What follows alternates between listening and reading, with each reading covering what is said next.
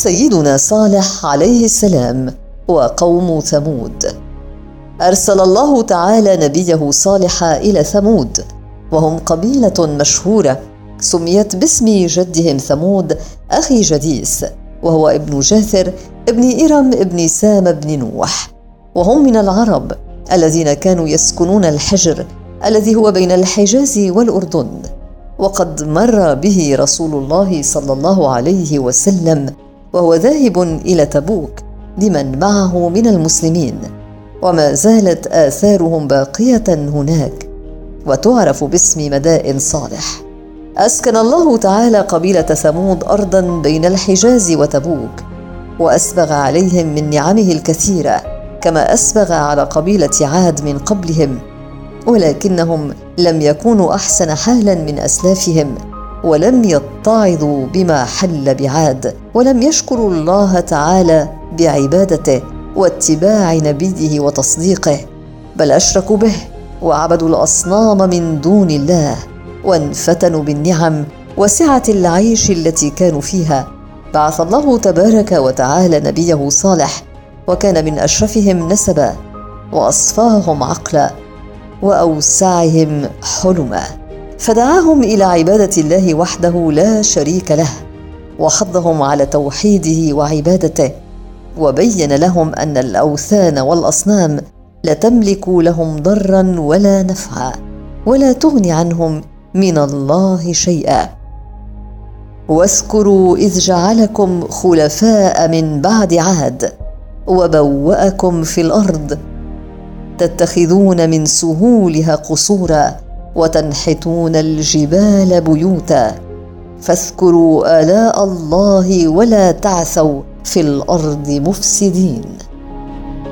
أي أن الله تبارك وتعالى جعلكم من بعد عاد لتعتبروا بما كان من أمرهم وكيف أهلكهم الله بكفرهم فتعملوا بخلاف عملهم وتشكروا الله بعبادته وحده وترك عبادة الأصنام وتصدق نبيه. وقد أباح الله لكم هذه الأرض تبنون في سهولها القصور وتنحتون من الجبال بيوتا حاذقين في صنعتها وإتقانها وأحكامها. فبين سيدنا صالح لقومه أن الله سبحانه وتعالى هو الذي خلقهم وجعلهم عمار هذه الأرض بعد قوم عاد وجعل لهم في الأرض الزروع والثمار وهو الخالق والإله الرازق. الذي يستحق العباد وحده وأمرهم أن يقلعوا عن كفرهم وعبادة الأصنام ويعبدوا الله وحده. وإلى ثمود أخاهم صالحا قال يا قوم اعبدوا الله ما لكم من إله غيره هو أنشأكم من الأرض واستعمركم فيها فاستغفروه ثم توبوا إليه. إن ربي قريب مجيب. بعد دعوة صالح عليه السلام لقومه كان جوابهم. قالوا يا صالح قد كنت فينا مرجوا قبل هذا. أتنهانا أن نعبد ما يعبد آباؤنا؟ وإننا لفي شك مما تدعون إليه مريب. وعندما سمع سيدنا صالح عليه السلام ما أجابه به قومه من تكبر عن اتباع الحق ومن إصرار على كفرهم قال لهم قال يا قوم أرأيتم إن كنت على بينة من ربي وآتاني منه رحمة فمن ينصرني من الله إن عصيته فما تزيدونني غير تخسير. وهذا لطف منه. عليه السلام لقومه في العبارة. ولين جانب وأسلوب حسن في الدعوة لهم إلى الخير والإيمان. وأخبرهم عليه السلام أنه سيبقى على دعوته لهم إلى الإيمان والإسلام وعبادة الله وحده وترك عبادة الأصنام حتى يحكم الله تعالى بينه وبينهم. لكنهم قابلوه بالإيذاء. ومما أذت به ثمود صالحا عليه السلام حين دعاهم للإيمان به وبما جاء به أنهم اتهموه بأنه مسحور.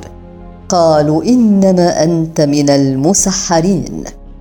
استمر سيدنا صالح عليه السلام يدعو قومه إلى الإيمان واستمر قومه على عنادهم وتكبرهم ولما وجدوا منه استمساكا برأيه واصرارا على دعوته إياهم إلى عبادة الله وحده وترك عبادة الأصنام خاف المستكبرون من قومه أن يكثر أتباعه وأن ينصرفوا عنهم إليه وفي ذلك ذهاب لسلطانهم وتفتيت لقوتهم فأرادوا أن يظهروا للناس أنه عاجز غير صادق في دعواه. وهذا من خبث نفوسهم وظلام قلوبهم عن اتباع الحق. فطلبوا منه معجزة تكون دليلا على صدقه وقالوا له إن أخرجت لنا من هذه الصخرة ناقة ومعها ابنها آمنا بك وصدقناك. فأخذ سيدنا صالح عليه السلام عليهم عهودهم ومواثيقهم على ذلك وقام وصلى لله تبارك وتعالى ثم دعا ربه عز وجل أن يعينه ويجيبه إلى ما طلب قومه فاستجاب الله دعوته فأخرج لهم سيدنا صالح عليه السلام بقدرة الله ناقة ومعها ولدها من الصخرة الصماء التي اشاروا إليها. فقد أمر الله تعالى هذه الصخرة أن تنفطر عن ناقة عظيمة طويلة فيها الصفات التي طلبوها ومعها ابنها. فلما رأى قومه هذا الأمر الخارق للعادة الذي فيه الدليل القاطع والبرهان الساطع على صدق سيدنا صالح عليه السلام. آمن قسم منهم واستمر أكثرهم على كفرهم وعنادهم وضلالهم.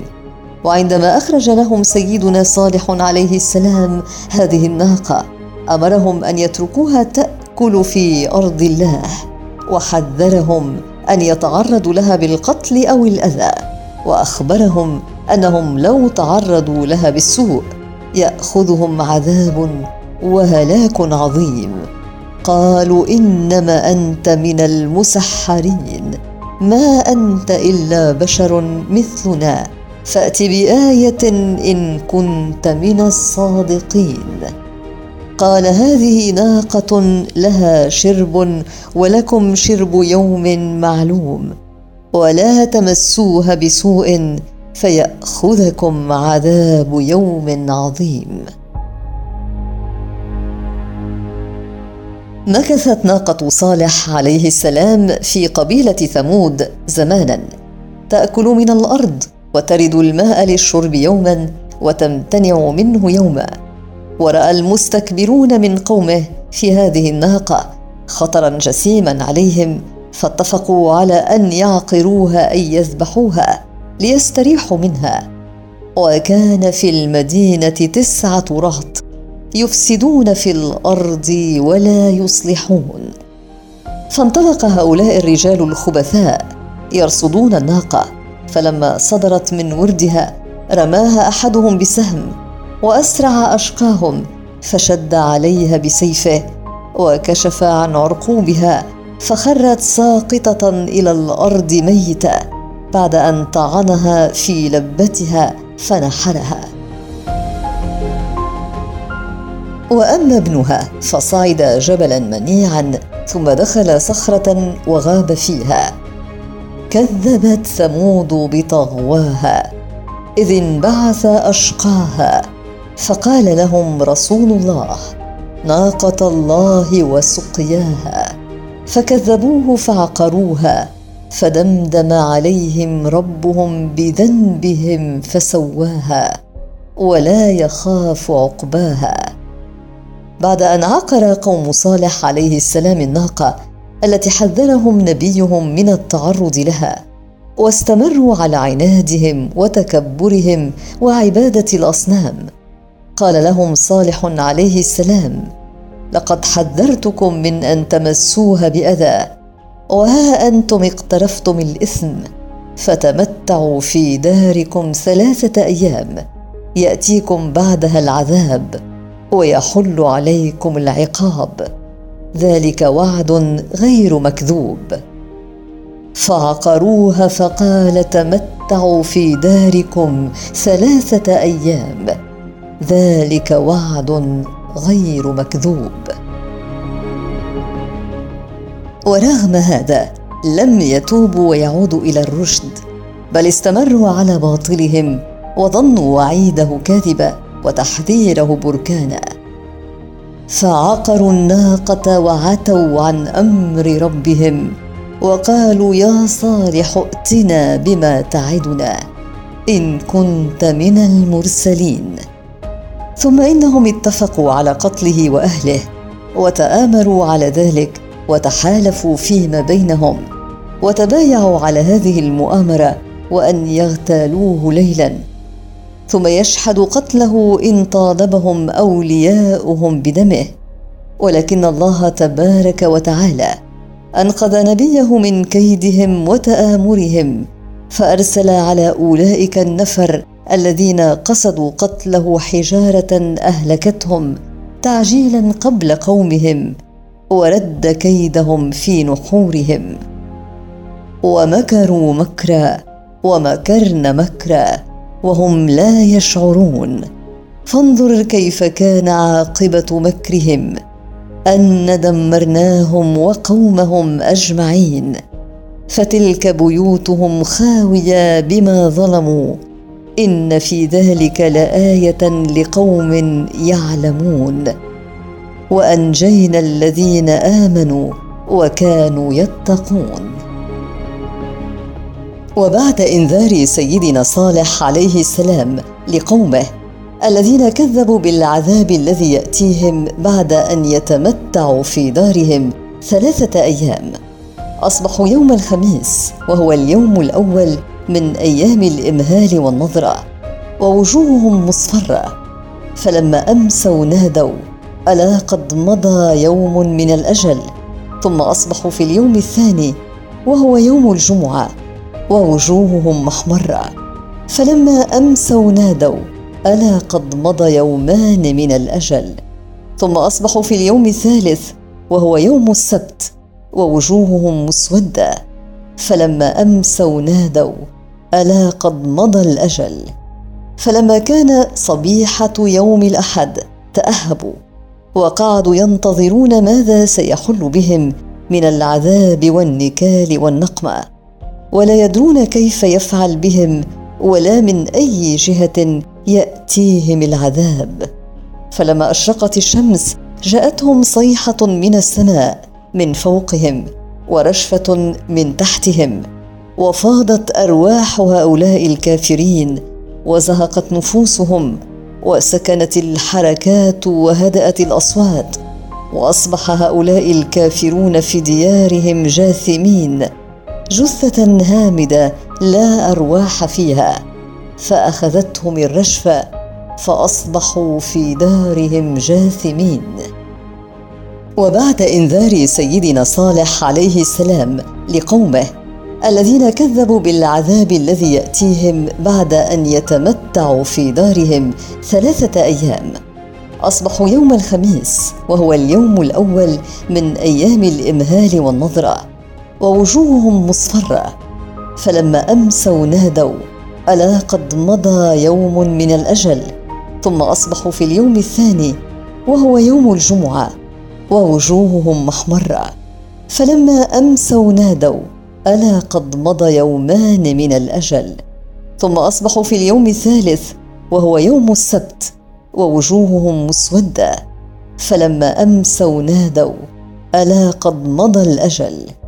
فلما كان صبيحة يوم الأحد تأهبوا. وقعدوا ينتظرون ماذا سيحل بهم من العذاب والنكال والنقمة. ولا يدرون كيف يفعل بهم ولا من أي جهة يأتيهم العذاب.